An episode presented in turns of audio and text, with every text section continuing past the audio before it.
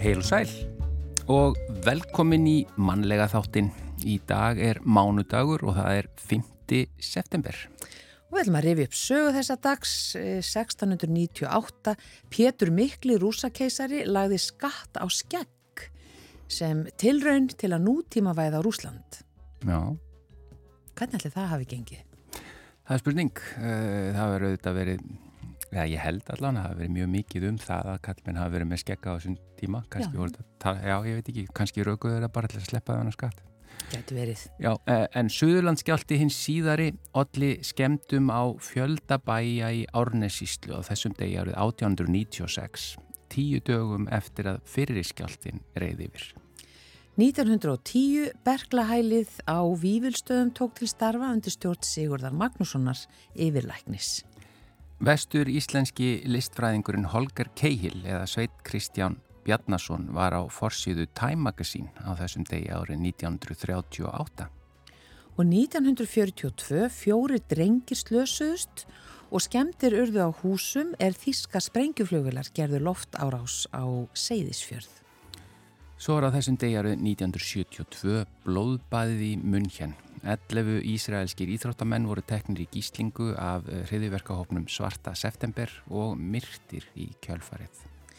Eh, sama dag, sama ár, eh, hér heima tóðviraklippum var beitt á breskan landhelgisbrjót í fyrsta sinn og tókst að klippa á víratógara í 82 skipti á rúmlega einu ári. Nótkun bókstafsins setu, seta var hætt í íslensku á þessum degi árið 1973. En samt er hann ekki alveg horfin, sumir, sumir notar hann þá. Já, já, hann er auðvitað í uh, nöfnum uh, allavega Mm. til dæmis. Háskólinn á Akureyri var settur í fyrsta sinn eh, á þessum degi 1987 og á fyrsta starfsári skólans voru nefnundur 47. Leikarar og leikfélagi Reykjavíkur fluttu sér formlega úr Yðnó yfir í borgarleikusu á þessum degi árið 1989. Já, þetta var stór stund. Já, gengu í búningum með leikmuni og, Já, og já, já, þessa leið. Þessa leið einmitt. Eh, Svo var það 1991, þing Sovjetiríkjana samþykti að breyta Sovjetiríkjunum í laust hengdara ríkjasamband og fulltrúar á Sovjetiríkjana leisti sig sjálft upp. Já, þetta var auðvitað rifjað svolítið upp núna eh, eftir að Gorbachev eh, lést Já, og þetta er ansið magnað að þetta hafi gerst bara svona nokkurn veginn í friði. já. En yfir í efni þáttarins í dag, við eldumstjú öll, uh, hreyfing verður mikilvægari með aldrinum og aftur og aftur kemur í ljós, uh, gildi góðra hreyfingar fyrir heilsuna. Og já, hvers konar hreyfingu mæla sjúkraþjálfarar með þegar aldurinn færist yfir? Við ætlum að ræða við hana Solveigu Ásu Árnadóttur, sjúkraþjálfara sem er prófessor við Háskóla Íslands, en hennar sérsvið er sjúkraþjálfun aldraðra. Já, í dag kynnust við nýjum pislahöfundi, Guðjóni Helga Ólasinni, hann verður með okkur næstu mánudaga með það sem hann kallar vingil. Guðjón segist vera skúfuskáld og þjóðfræði áhuga maður úr flóanum sem hefur stundað í nokkuð, nokkur ára að búa til pisla og byrta á samfélagsmiðlum. Hann býr með fjölskyldu sinni á bænum Sviðugörðum í gamla Gölverabæjarheppi en stundar ekki hefðbundin búskap heldur nokkrar hænur, ræktar tré og svo litið að kartöflun til heimilis og enganóta. Og við ætlum að heyra þennan fyrsta vingil Guðjóns Helga hér á eftir. Og svo er það lesandi vikunar sem í þetta sinn er Jakob Stadsovjak, rítuundur og bókavörður og við fáum að vita hvaða bækur hann hefur lesið undanfarið, hvaða bækur og höfundar hafa haft sérstök á, áhrif á hann í gegnum tíðina. Já, og við byrjum auðvitað á tónlist eh, eins og alltaf. Þetta er Björgvin Haldásson að syngja lagið Barn Já, með Ragnari Bjarnasinni, sem var höfundulagsins. eða ekki? já, sem var höfundur lagsins og uh, textin eða ljóðið er eftir stein, Steinar. Barn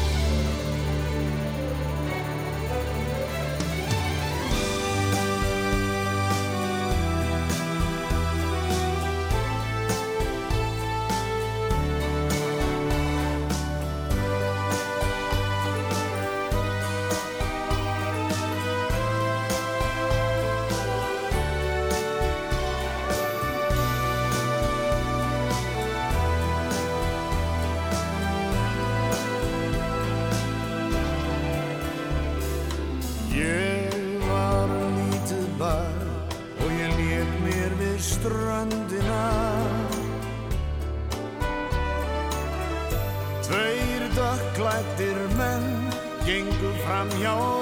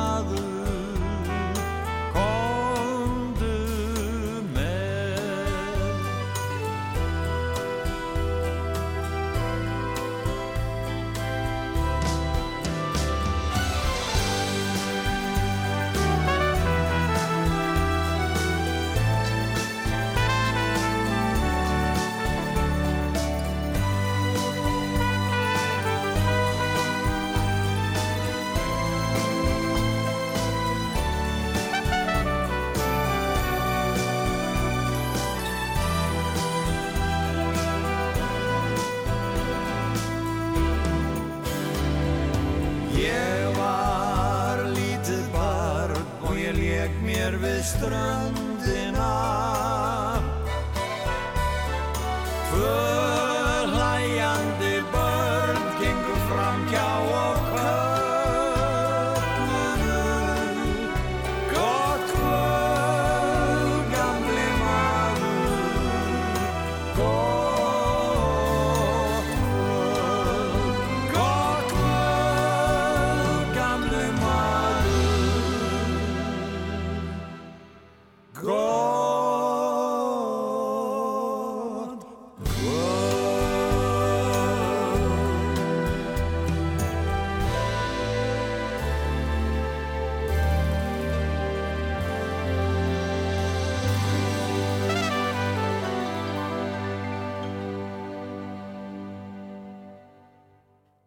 eldumst við, auðvitað misrætt en tíminn verist líða hraðar eftir því sem maður eldist, ég held að flestir getur nú tekið undir það. Hreyfing verður æg mikilvægari með aldrinum og aftur og aftur kemur í ljós gríðalegt gildi góðra hreyfingar fyrir heilsuna. Hvers konar hreyfingu mæla til dæmi sjúkraþjálfarar með þegar aldurinn færist yfir? Hvað er nóg og hvað er, já kannski of mikið ef, ef það er hægt að hreyfa sig of, of mikið e, á þessu aldurskeiði? En sjúkraþjálfun aldraðra er sérsvið Solvegar Ásu Árnadóttur, hún er starfandi prófessor við Háskóla Íslands og sest hérna hjá okkur velkomin. Takk fyrir. Og kannski ef við bara byrjum á því að já, við erum ofta að tala um þegar aldurinn færist yfir og, og við erum eldast og slíkt en við hvaða aldur er miðað? Hvenar eru við sem sagt svona byrjuð að eldast? svona almennilega. Hvena verðum við gömul? Þetta er nú klassísk og skemmtileg spurning. Já. Það er stutt sem ég var að hlusta á mannlega þáttin og þið nefndu Jón Vítalín. Eh, Það, semst, hann dó 54 ára gamall, jakkamall mér, það var á átjöndu öldinni. Hann var sennilega orðin býstna aldraður. Ég held samt hann hafi dáið á reyfingu ef ég hlustaði vel á okkur en ég er 54 ára og ég er svona í þessum hópi miðaldra fólks. Um, en hvena verður maður gamall? Það er búið að misja. Já. En ef maður er að lesa rannsóknir og svo leist, það er búið að miða við sko, 65 ára aldurinn sem efri árin. Já. Fertugt sem upphaf miðsaldurs. En á þessum aldri þá er bara gríðarlega mikilvægt að koma sér að stað ef maður mögulega getur. Já. Af því að það eru flotta rannsóknir, alþjóðlegar og íslenskar sem að sína mjög sterk tengsla melli þess að reyfa sig til helsubóta á miðjumaldri og þá er ég að tala svona cirka 40 til 65 ára og þess að vera líkamlega sterkari og bara færari á efri árum. Já, Mm -hmm. einmitt, þannig að það er aldrei of seint greinilega. Aldeilis ekki. Og svo sannarlega þó maður sé komin yfir sjötugt eða el- enn eldri þá er það nákvæmlega aldrei og sent. Já. af því að reyfing er eitthvað sem er okkur nöðsynlegt að við erum búin til til þess að reyfa okkur líkamann á okkur, hann, hann starfar þannig og ef við reyfum okkur ekki þá er líkamann hins vegar líka svo klókur að hann bara svona sker í burtu það sem hann reyfir okkur, skilur, þá fyrir hann að spara ef við nótum ekki kerfið sem er búið til að reyfa, mm. þá bara fyrir hann að skrúa niður í öllu. Svona, já, ef maður reyfir sér bara ekki neitt, hvað er það sem gerist bara með liði og vöðva? Að því hún nefnir liðina að þá er til dæmis eitt varandi þá li, liðamótin sem eru með brjóskinan í þeim og það er liðvökvinan í liðamótunum og eina leiðin til þess að fá næringu inn í liðbrjóskiðitt er til dæmis að reyfa liðina og þá er ég bara að tala um reyfingu sem er ekki erfið, bara þú setur að réttum njánum og beigja hnjén að þá í rauninni er svolítið eins og þetta smyrja liðbrjóskið sem eru á endunum á beinunum mm. og þannig færðu næringu þangað og þannig helst bara brjóskið þetta á lífi í rauninni það er engar æða sinna á þanga, það er bara svona eins og smörninginni og bara með því að rétta og beigja að þá semst er þetta næra brjóskið bara sem dæmi. Mm. og það sem ég saði áðan samt með vöðvana þeir vaksa í áttinað álægi þegar við erum að tala um reyfingu um, þá í rauninu svona erum að tala um líkamlega árenslu og þeir viðhaldast og stækka með því að setja á það álag. Ef við gerum það ekki þá bara rýrna þeir hverfa og það sama sínarnar sem að tengja vöðva og bein að þetta verður bara slagt og lélegt. Mm. Já, og þá kannski meiri hætta á já, meðslum. Algjörlega, já. svo sannarlega. Já.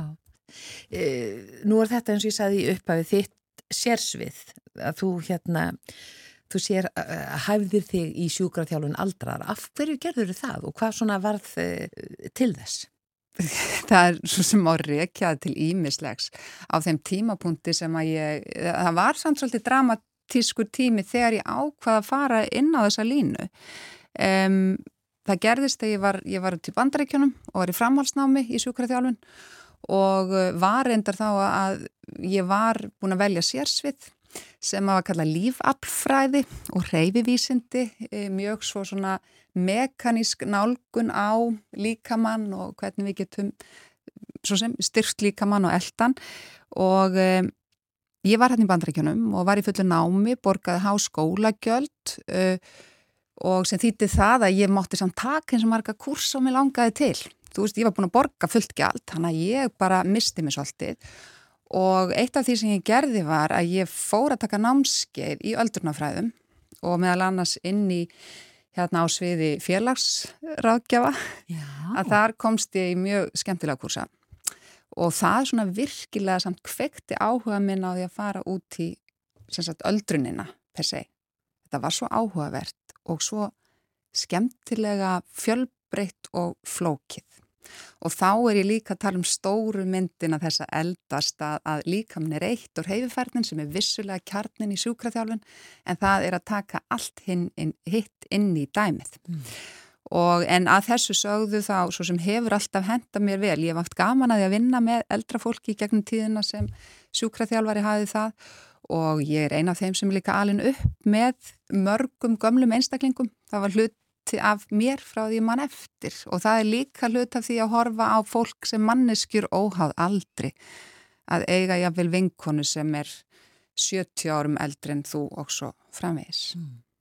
Þegar þú kemur síðan heim, nú er þetta dálti síðan er það ekki, hvað er þetta mörg á síðan? Það eru 25 ár síðan. Já, mm -hmm. þegar þú kemur heim, hver er staðan bara á þessu málum hér? Því að ég ímynda mér að þú hefði komið heim uh, með höfuð fullt af eh, góðum hugmyndum og mm. um, Það sem hefur breyst sérstaklega mikið er fjöldi einstaklinga sem að sína þessum málum áhuga og þá bara í umræðinu og fáfólk sérstaklega ef ég má fara þánga, það eru margi núna að e, gefa málum eldri borgar og gauðum á ymsum sviðum bæði heilbriðistarsmenn og fólk sem er, er að fara inn í velferðarþjónustuna er gríðalega gaman að sjá hvað það er margt ungt fólk sem að er að stíga náðan vettvang og er að sína áhuga á því að vinna með eldra fólki. Að því að ég hef nú stundu sagt að sko í grín og alvöru að því ég var frekar ung þá. Ég var kannski bara um 30 þegar ég kom heim og hafði áhugaði að vinna á þessum málefnum að um, við gætum eða ekki beðið öll eftir því að verða sjálf um það bila að fara eftir laun. Við höfum ekki tíma til að býða eftir því að, að fagfólk í rauninni fá ekki áhuga fyrir en þá, mm. fyrir það sjálf nálgast hennan aldur. Við þurfum bara fleiri í teimi til þess að búa til almenlega helbreyðistjónustu og, og líka bara mentakerfi sem að mentar helbreyðistarsfólk og aðra til þess að vinna vel með eldri einstakling. Mm.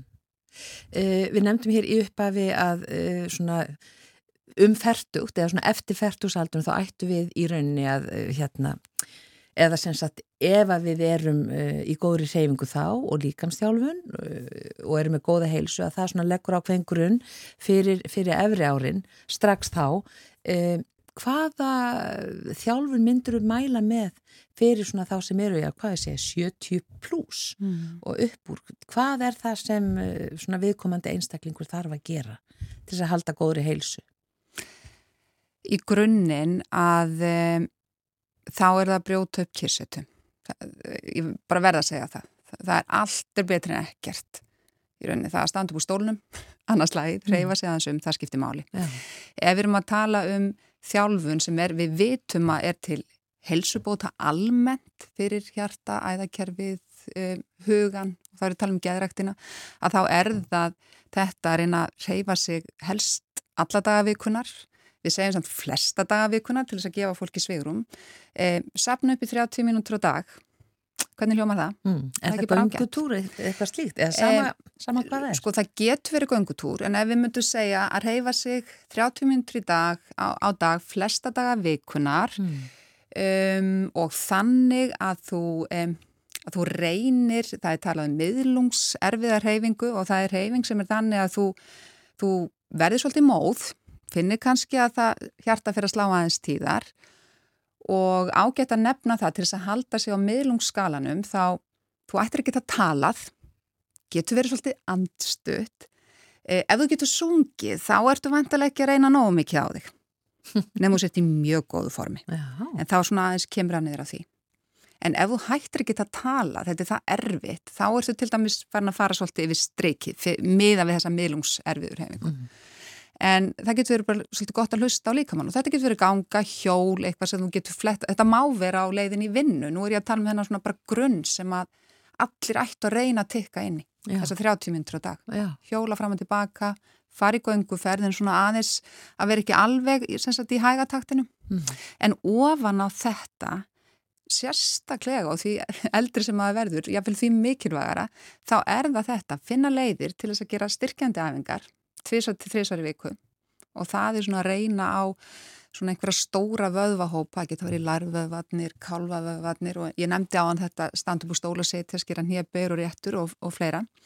Styrkjandæfingar, 23 ári viku, jafnvægisæfingar, æfingar sem reyna á jafnvægið og þær í rauninni eru stundum það sko, maður gerir það ekki það lengi einu, maður ætti kannski að gera það á hvernig deg og svo líka að hugsa um liðleika, að liðka þig. Mm. og þá maður kannski fyrst og fremst að hugsa um það að við sitjum svo mikið og það er svona e, þessi liðamót sem vilja kreppast á okkur. Þannig að við endum ekki bara í sitjandi stöðu. Já. það er að reyna að passa upp á liðleika þar sem við réttum úr mjöðum og njám og herðarnar aftur og, og líka allt sem að snýra því að vinda upp á líkamann. Snú upp á hálsin, ryggin og tegja bara. Og tegja, já. já Sund, er það gott fyrir hvað sé, eldri borgara? Svo sannarlega og eitt af því sem getur verið upplætt val fyrir þá sem er að týna inn mínaturnar í þess að bara góðu grunnreifingu, já. já.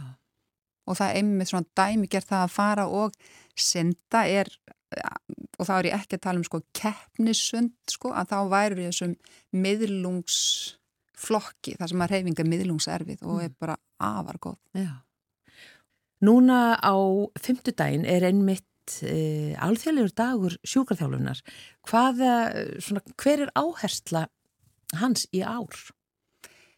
svo sannarlega, þetta er náttúrulega bara árvis skemmtun hjá sjúkraþjálfurum um allan heim og, eh, og það er einmitt heimsambandið okkar út býr eh, efni sem það sendir frá sér og, og félagsjúkraþjálfar á Íslandi er einmitt búið að þýða þetta efni og ég vona bara að það fari í dreifingu frá þessa viku notkunna því að áherslan er á slitgikt og reyfingu Mm -hmm. og þá varðandi ráð til um, almennings uh, bæð upp á forvarnir en eins líka fyrir fólk sem er með slitgikt ráðleggingar um hvernig bestur að reyfa sig og, og uh, til þess að koma sem besti gegnum daginn og huga að helsunni þrátt fyrir að vera með þennan undirlegjandi sjúkdóm. Já, og slitgikt, já, allt sem við erum búin að vera að tala um hérna núna, ég var enn til reyfingu, er það eitthvað sem sko passar fyrir þá sem eru með slitgikt? Svo sannlega, reyfing, viðegandi reyfing er efst á listanum yfir það sem er viðegandi að gera ef maður er með slitgikta greiningu en vissulega með leiðsögn fagmanna Mm. í raunin að leita til e, læknisins síns og sjúkraþjálfara er eitthvað sem ég myndi ráðleggja fólki að gera. Já. Kæra þakki fyrir komuna í manlega þáttin Solveig eh, Ása Árnadóttir, professor eh, í sjúkraþjálfun við Háskóla Íslands. Takk.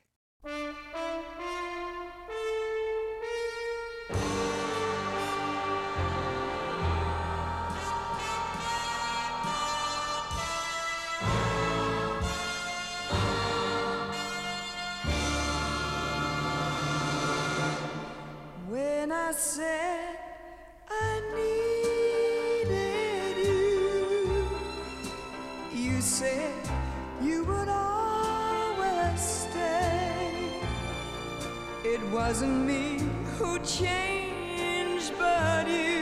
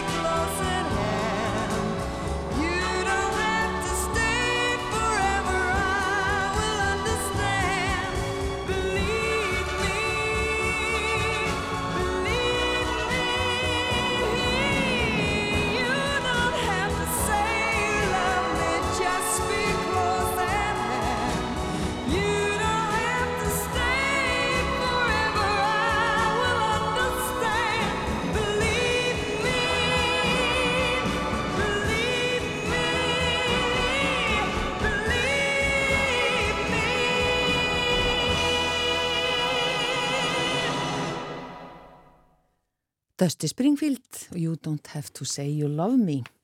Já, uh, og nú er komið að því að kynnast nýjum pislahöfundi, Guðjóni Helga Ólasinni. Hann verður með uh, pisla næstu mánudaga og hann kallar þá vingil. Það er að segja, nú fáum við fyrsta vingil Guðjóns Helga. Ágætu hlustendur, ég kem til ykkar sunnan úr gamla gaulverjabæjar reppi með vingil dagsins. Við maður smíða hús eða hestakerru, kamar eða kastala er nöðsynlegt að hafa vingil í verkværakistunni. Annars verða engin rétt horn á smíðiskrifnum. Ég hef það fyrir sið að bera minn prívat vingil að sjónarhornum samfélags og mannlegrar tilveru allt eftir því hvað fangar aðteglina hverju sinni. Og það gerum við öll. Mátum vinklana okkar við og sjáum hvort grísir á milli eða fellur þétt að. Vinklarnir okkar eru ekki alltaf réttir, frekar en hornin sem við berum þá við, en það getur verið gaman að máta þá samt og sjá hverju munar því að engin einn vinkill passar fyrir öll horn. Ágætu hlustendur, ég er á leiðinni út í hænsnahús og þið komið með. Ég fyrir fótgangandi. Þau hef gott af hreyfingunni og tíkin fura skottast með mér. Ég geng út á veg, kíki í póstkassan, rölti svo heim eftir afleggjaranum og spekulera eitthvað. Þessar tíu mínútur eða svo sem að gönguferðin tekur. Það er holl og góð heilaleg fyrir mig að spekulera svo litið. Mér finnst gaman að rekast á ný orð eða gömul sem ég kannast ekki við og gerir mér æfinlega farum að koma þeim í nótkunn. Eins er með þjóðfræði hverstagsins. Þar er margur gullmóli. Gaman að velta fyrir sér hegðunarminstri okkar, sér visku og sam heimsku. Auk þessa er gaman að rifja upp eitthvað skondið og skemmtilegt frá liðinni tíð á göngunni til að setja í samhengi við hverstaginn í nútíma. Við látum okkur allavega ekki leiðast. Það er illa fara með dýrmætan tíma finnst okkur föru. Tíkin er ung og hress. Hún hleypur allt hvað af tekur, fram og aftur, á bak og stjór, ekkert og okkar stuttu leið er henni óviðkomandi, eða svo ómerkilegt að ekki megi að minnstakosti þefa svo litið að því, kannski smakka örlítið. Ég hef séð hann að breyðja ótrúlegustu hluti. Allt frá ullarlögðum, dregnum upp úr skurðum, dýrabein og þau heldur betur ekki af nýslátruðu og líka hef ég séð apparatið jafla á hlífinni utan að trampolíngormum heimilisins. Hundsmægi er að sönnu merkileg sorpiðingarstöð. Ég hef með mér matarafganga handa pútunum í gömlu ísboksi og vatn í tveggja lítra gósflösku. Nú geysar nefnilega fugglaflensa af stopni H5 og ég má ekki nota vatnið sem sapnast í stampin fyrir neðan skotarannuna á hænsnahúsinu. Ef svo illa vildi til að flökkufuglar hefðu nýlega haft þakið að skotspæni með tilherandi smithættu. Fuglaflensa er andstæðar pest og ég má ekki til þess hugsa að púturnar mínar lendi í slíku en það fær hundurinn ekki að koma með inn í hænsnahús ef skekkinni að hún hafi nuttað tríninu í eitthvað smitberandi. En lítið veit ég um fuglaflensu og kíkti því á vef náttúrufræðistofnunar í símanum rétt á meðan hænurnar formuðu goggunaröðuna við matardallin. Þar er að finna eftirfarandi klausu um fuglaflensu, tilvitnun hefst. Fuglaflensa er bráðsmitandi sjúkdómur í fuglum sem getur einnig stökusinnum komið upp í spendirum og mönnum. Orsakavaldur eru margar gerðir af inflúensu A-veirum sem hafa þróast þannig að þær smita fyrst og fremst fugla. Þessar veirur finnast í einkennalausum viltum fuglum um allan heim. Þegar alvarlegt afbreyði fuglaflensuveira berst í alifugla, síkist oft stór hluti fuglana og margir drepast. Fuglaflensuveirur eru skildar öðrum inflúensuveirum sem eru aðlagaðar sinni tegund, til dæmis mönnum, hundum eða svínum. Inflúensuveirur hafa sérstaka hæfileika til að breytast, til dæmis með því að skiptast á erðaefni við aðrar gerðir inflúensuveira. Fuglaflensuveirur eru flokkaðar eftir mótefnavökum á yfirborðið þeirra, sem eru auðkendir með bókstöfunum H og N.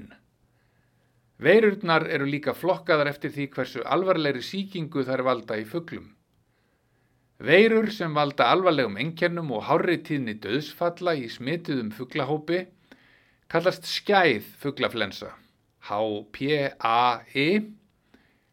Fuglaflensuveirur sem valda yfirleitt litlum einkennum kallast væg fuglaflensa, LPAI. Eftir stökkbreytingu hafa einstaka fuglaflensuveirur til dæmis af gerðunum H5N1 og H7N9 öðlast einleika til að geta síkt önnur dýr og fólk. Smitun verður aðalega við snertingu við fugla eða fugladritt, ekki við neyslu afurða. Tilvitnun líkur og rétt að fara að öllu með gát. Í hænsnahúsinu eru sjö hænur og einn hani, en á veturna bætast gerðna nokkrar mís í kórin. Mísnar fá ekki að valsa um í hænsnafóðrinu. Það er gemt í blári plasttunnu sem Sigurður frendi minn smíðaði lok yfir. Hann er þjóðhaga smiður, jafn vígur á tre og járn og á flest handtökin í þessu húsi, gott ef ekki öll. Sumir eru hrættir við mís. Finnst óþægilegt að sjá þær hlaupa um á miklum hraða svona snögghærðar og stóreigar, dragandi skottið á eftir sér, annarkvort nýbúnar að skemma eitthvað nýtilegt frá okkur eða á leiðinni til þess. Norðmenn höfðu lengi þann sið að reysa matarbúr sín á voldugum keilulaga staurum sem yttir voru þannig að breyðari hlutin sneri upp en svo mjói niður. Þeir kalla hús þessi stabbúr. Ætli það verði ekki bara stafbúr á íslensku en gæti sem best þýtt staurabúr. Tilgangurinn með sköpulagi burðarstaurana er sá að mís, rottur og önnur skriðpest falli æfinlega aftur á bak, fresti þær uppgöngu með það fyrir augum að geta frændur voru út á guðsinn og gatt. Þetta hefur reynst vel. Norðmenn hafa alltaf passað upp á sinn mat og sinn skóg og sitt svarta gull eftir föngum og eru nú ríkastir allra. Við Íslendingar höfum verið skóglausir lengi og gemdum matinn aðalega í sírutunnum fyrir tíma rafknúina kæliskápa sem gafst ágætlega en við urðum bara rík með við höfðatölu. Sumir eru alls ekki hrættir við mís og finnst þær bara skemmtilegar á að horfa og fylgjast með þeirra aðtæfi, eru fallegar á litin og duglegar að bjarga sér, en margir veiða þær nú samt. Hænur eru til dæmis alls ekki hrættar við mís og sæta færis að týna þær upp í sig eins og við gerum popcorn í kvikmyndahúsi eða því er að skipta. Náttúran hefur sinn gang og sitt lag. Ég veit ekki til þess að nokkur hafi fengið illt af eggjum úr svona heimilishænum eins og þeim sem vappa hér um gólfið og týna upp í sig brauðmóla sem heimilisfólkið hafi ekki lengur list á. Þær eru bísna duglegar að endurvinna lífrænan úrgang blessaðar. Við sjáum það best á sorpíláti því sem ætlaður undir slikt. Sjaldnast nema örfáir pókar í því þegar að sorpriðuðu aðilar koma hingað heim í embættiserundum. Kanski hænsnarektin leggja eitthvað að mörgum til að minka kolefnisfótspor okkar hérna heima. Það skildi þó ekki vera. Það eru jú færri kíló fyrir vörubíl sorpirðunar að bera og líka fyrir heimilisbílinn í verstunarferðum sem nefnur þingtinn að heimafengnu ekja. Auk þess eru hérna nokkur tré sem þykja gjarnan áburðin sem hænurnar gefa af sér. Það þarf ekki að kaupa tilbúin áburð á meðan og það munar um minna. Til gamans fletti ég upp verði á algengum þrígildum áburði hjá virtum sölu aðila. Nú kostar tonnið 138.829 krónur en sama vara krónur 70.033 fyrir ári síðan. Og rétt að geta þess að þegar að þetta er lesið að þá er árið 2022. Áburðurinn hefur því hækkað um tæp 100%. Ég tek það fram að sjö hænur og einn hani Þau ná ekki að útvega samsvarandi ábyrðarefni og heilt tonn af tilbúnum ábyrði. Þetta fullir þeir sá sem hér talar án þess að hafa vegið og mælt það sem hælurnar skilja eftir. Það er ekki á dagskrá, þrátt fyrir mögulegt fræðslugildi, en ég hef bara alls ekki áhuga á svoleiðis rannsóknum og ljáu mér hver sem vill. Eins og flestar söguheitjurnar í ævintýrinu um litlu gulu hænuna hef ég mestan áhuga á brauðinu, öllu heldur pönnukökunum, helst með rababarasultu og þeittum rjóma, en til vara upprúluðum með strásikri á hliðinni sem snýr inn. Ég veit ekki um betra kaffibrauð í þessum heimi.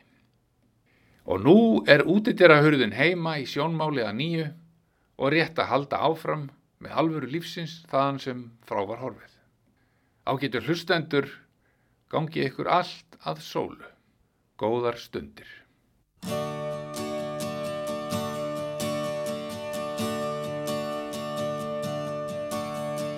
Lá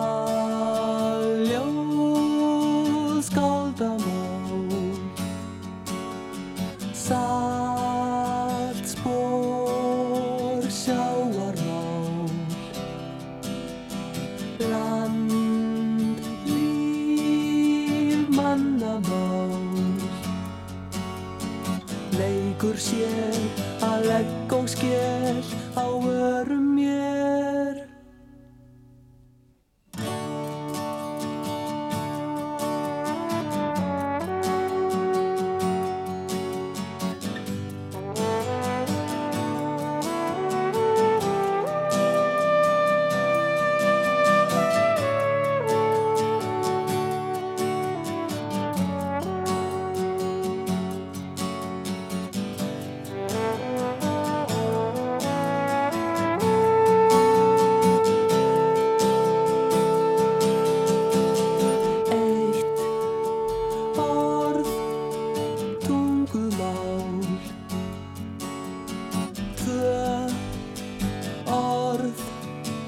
þrætumál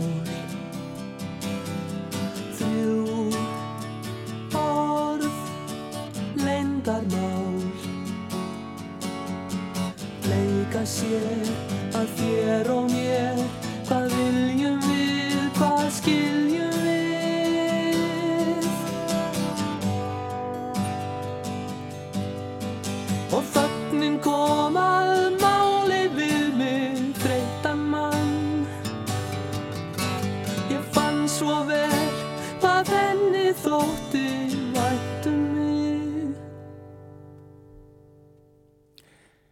Þetta er auðvitað spilverk þjóðana og lægið heitir Lagljóð en það er komið að lesanda vikunar og í þetta sinn er það Jakub Stahoviak eh, velkomin og takk Góðan fyrir að daginn. vera lesandi vikunar. Góðan daginn.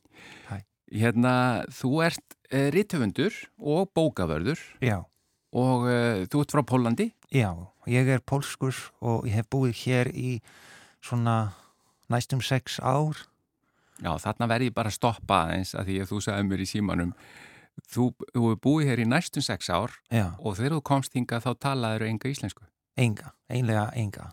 Þannig að, Þannig að það er ekki nóg með að þú talir svona góða íslensku að því svo ertu líka rithundur og ljóðskáld já, og þú skrifar á íslensku. já, ég, ég skrifa á íslensku. Já, Þannig að, já, um, þetta bara gerðist einhver veginn.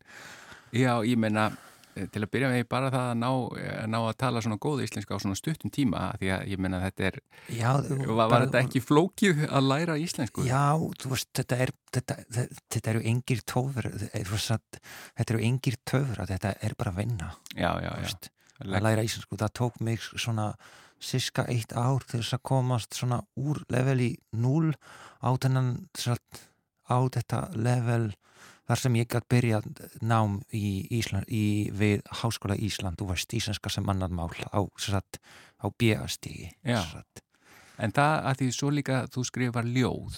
Já, ljóð og líka alls konar. Ég er satt í reitlistarnemi Já, ég er í meistranámi í reitlist og þar skrifar maður bara alls konars og hvernig var að, semja ljóð á, á tungumáli sem þú hérna, nokkuð nýbúin að læra? það var bara mjög frel, það, það, það er bara mjög frelsandi sko Já, það er einhver veginn svona þú ert ekki svona einhver veginn fastur í neini svona málvenju eða þú kemur bara, e- bara eins og óskrifað blað eða heiður heiminin já, einhver veginn inn í tungumálið eða það hefur verið sagt við mig já.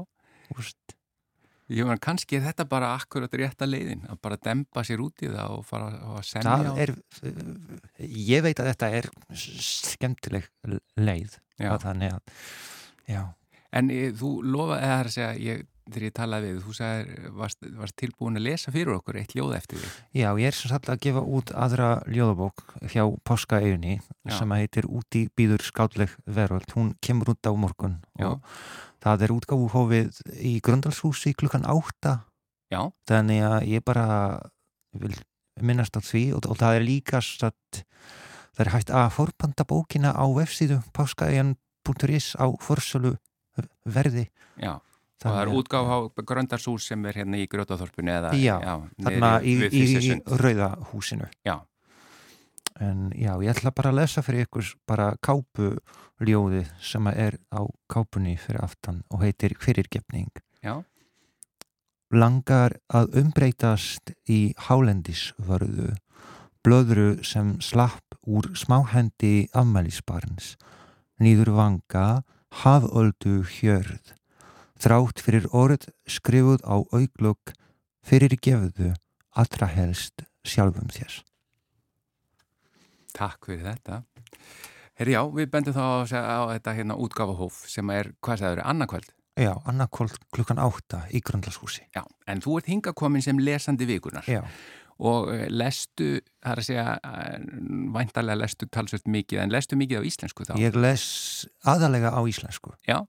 Eða, já, næstum því bara á íslensku. Og hve- hverslas bókmyndir, erst að lesa mikið ljóð eða erst að lesa líka, Bara alls konar, þú veist, skáldsögur og e, e, e, margar ljóðabækur, þess að ég, ég fylgist rosa vel með þarna ljóðasennunni mm og en ég, ég, ég les líka þú veist, uh, skáldsögur og smásögur og stundum leikrit bara alls konar já.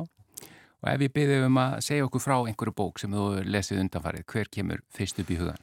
Já, undanfarið, ég kláraði að lesa bara í gæris, ég er svona bókavörður og þá sitt maður og er, er einhver veginn bara þú veist að þá, getur bara lesið og ég kláraði satt, að lesa Hestvík eftir Gerður, satt, Gerður Kristni. Já, mjög skemmtileg bók, mjög svona létt og fyndin og, og einhver veginn svona það er einhver veginn svona létt andrumsluktið yfir henni en samt er einhver svona alvara undis og skemmtilega personur og hún er bara góður ritvöndur sko. já, hefur þú lesið fleiri bækur eftir hana?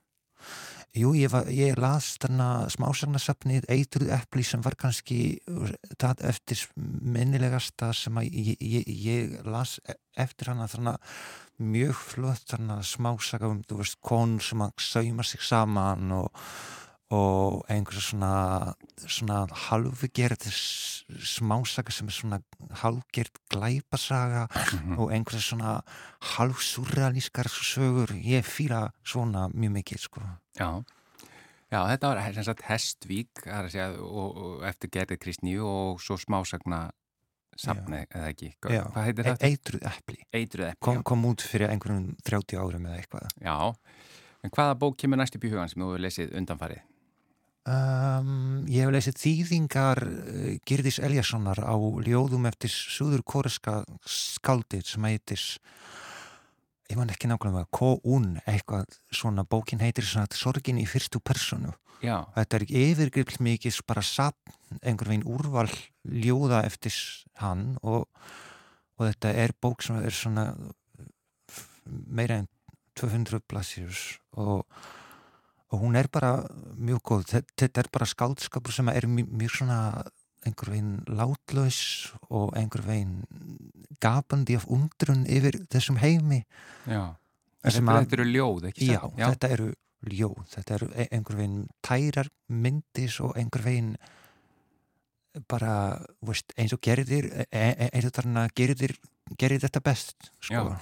Já, já, hann er frábær þýðandi og Já. frábært skáld. Já, endilega, sko En hérna, segð mér annað, bara talandi um það að þýðingar og annað, eh, hefur þú enga velt fyrir þér að þýða til dæmis úr, úr uh, pólsku?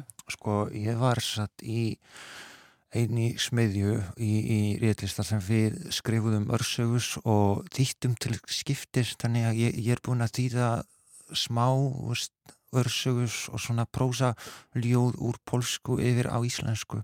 En það er eitt tiltekit skáld sem að mér langar að þýða yfir á íslensku sem heitir Roman Hónet Já, og hann er eitt af einhverjum furðulegustu skáldum nútímans. Hann, hann er satt, já það er einlega mjög erfist að tala um skáldskap hann, hann hann er mjög svona einhver veginn dúlarfull og notar mjög skreitna líkingar og mér langar að þýða ein, einhvers konar ljóða úrval eða Já. svona, Er hann fyrst og fremst ljóð, ljóðskald? Já, hann er ljóðskráð, hann, hann hefur fengið einhver verðlaun, þú veist, í Pólandi eru bókmynda verðlaun sem eru veitt af þarna samtökum sem að e, aðstöðarmaður Vísvofu Symborsku, þarna Nobels skáldkonunars, hann Já. stopnaði svona samtök svona í, til heiðurs he- hennars Já. og þau, vei,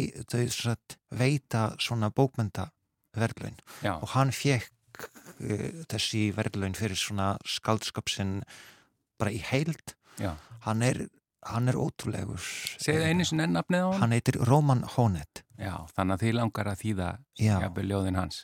einmitt. Já, en, en höldum áfram á yfirferðinni yfir það sem þú hefur verið að lesa núna uh, undanfærið. Hvaða bók kemur núna upp í hugan? Uh, ég var að lesa bók eftir Skuðberg Bergson einhverja svona gamla bók sem heitir Það sefur í djúpinu Já, sem er mjög svona já, mjög, mjög, mjög bra modernísk og einhver veginn já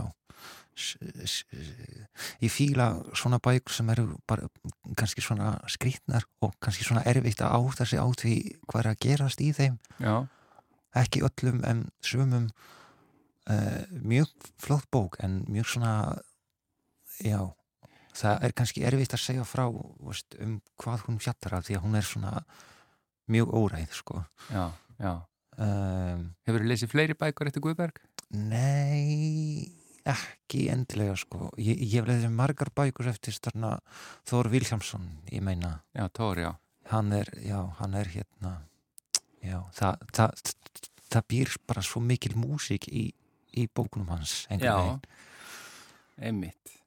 Það er, eh, ég, ég allavega þarf að lesa oft eh, svona nokkur sunnum yfir, það er að bakka og, Það, það eru erfiðar að aflestra sko já, en, en uh, mjög myndrænar og, og fallegar. einmitt Eh, ef, ef þú núna, ef ég, ef ég byði um að fara bara, þú mátt fara eins langt aftur í tíman og þú vilt, eh, hvaða svona bækur eh, og eða höfundar eh, koma svona upp í hugan sem að svona virkilega eh, hafa haft áhrif á því gegnum tíðina sem að ennþá sitja með þér? Já, sko ef við tölum um íslenskar bókmyndis þá byrjaði ég í rauninni ekki að lesa þær svona af alvöru fyrir en eftir fyrir en fyrir svona þreymur árum kannski, Mhm. fjórum árum. Mm fyrsta bókin sem að kemur upp í hugan er síðasta ástarjáttningin eftir Dag Hjartansson Já, viskilega falleg bók einhver veginn dálítið tilraunakend í stílnum og framsetningu. Hún er ærandi, ljóðræn og, og hún er bara þú veist, ég las þessa bók og ég, og, og ég hugsaði hvernig getur manneski að skrifa á svona fallegan hátt? Já.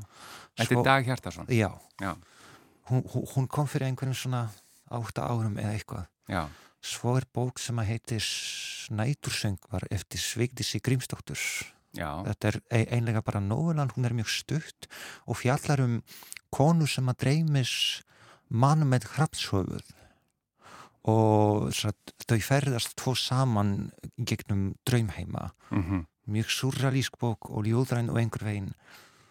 Ég les hana yfirleitt einu sinni á ári. Svona, ég endur les hana, hún er ótrúlega Það er svona einhver súrealismi og, og hvað ég var að segja, hérna ævintýra raunveruleiki sem, að- sem að hylla þig. já, Já, helst en ég les líka, þú veist, bara svona hversdagslega bækur ég les, það, ég les skáldskap ef Rúnar Snoradóttur uh, að því að, þú veist það er heilbrygt að lesa alls konars já, já. En sko að því nú taldar í rauninni bara upp íslenskar bókmyndir. En Já. ef þú færir aftur í tíman alveg bara uh, hvað svona, hvaða bækur þegar þú varst yngri uh, sitja í þér og, og hvaða höfundar. uh,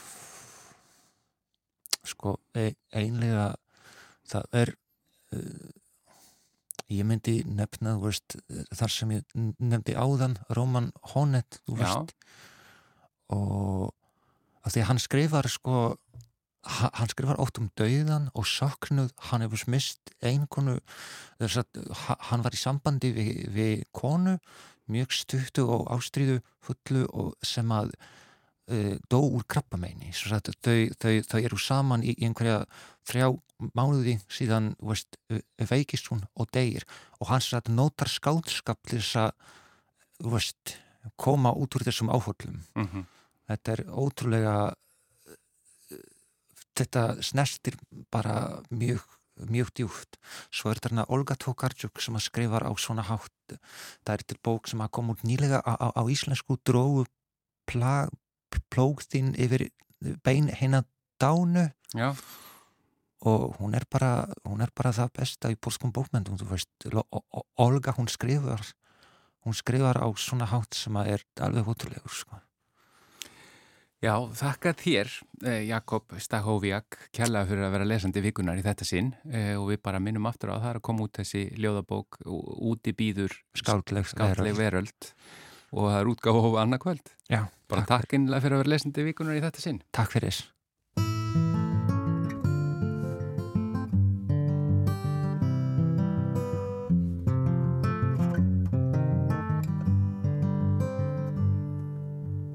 Yfirgefnir klubbar, auð og mannlaus hús, engin kakkalakki og engin.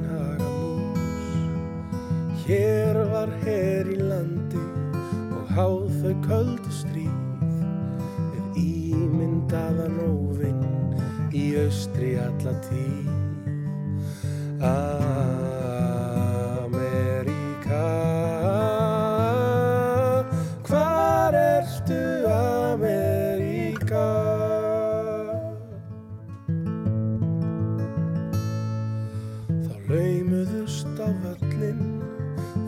nokkra læðurnar og þáðu fyrir greiðsluna sem var í bóði þar.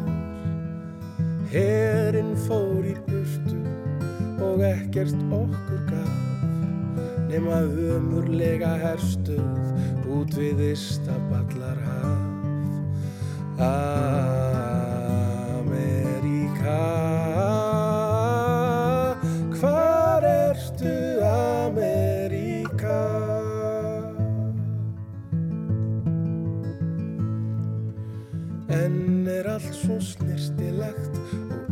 Haldið við. Þó amerískir hermenn vakt ei lengur hlið Því hann kemur ennum nætur til að þrýfa þessi her. Þeir sem hengdu sig og skutu út úr leiðindurum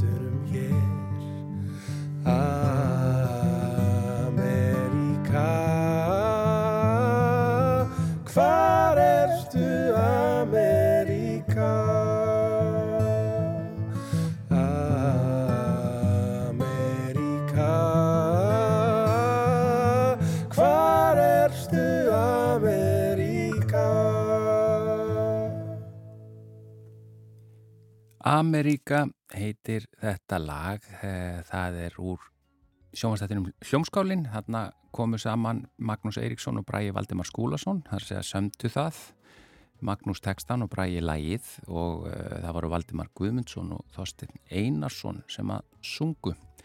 En þar með er þættinum lokið í dag, við verum hér auðvita á sama tíma á morgun, þökkum innilega fyrir samfélgin í dag. Verið þið sæl.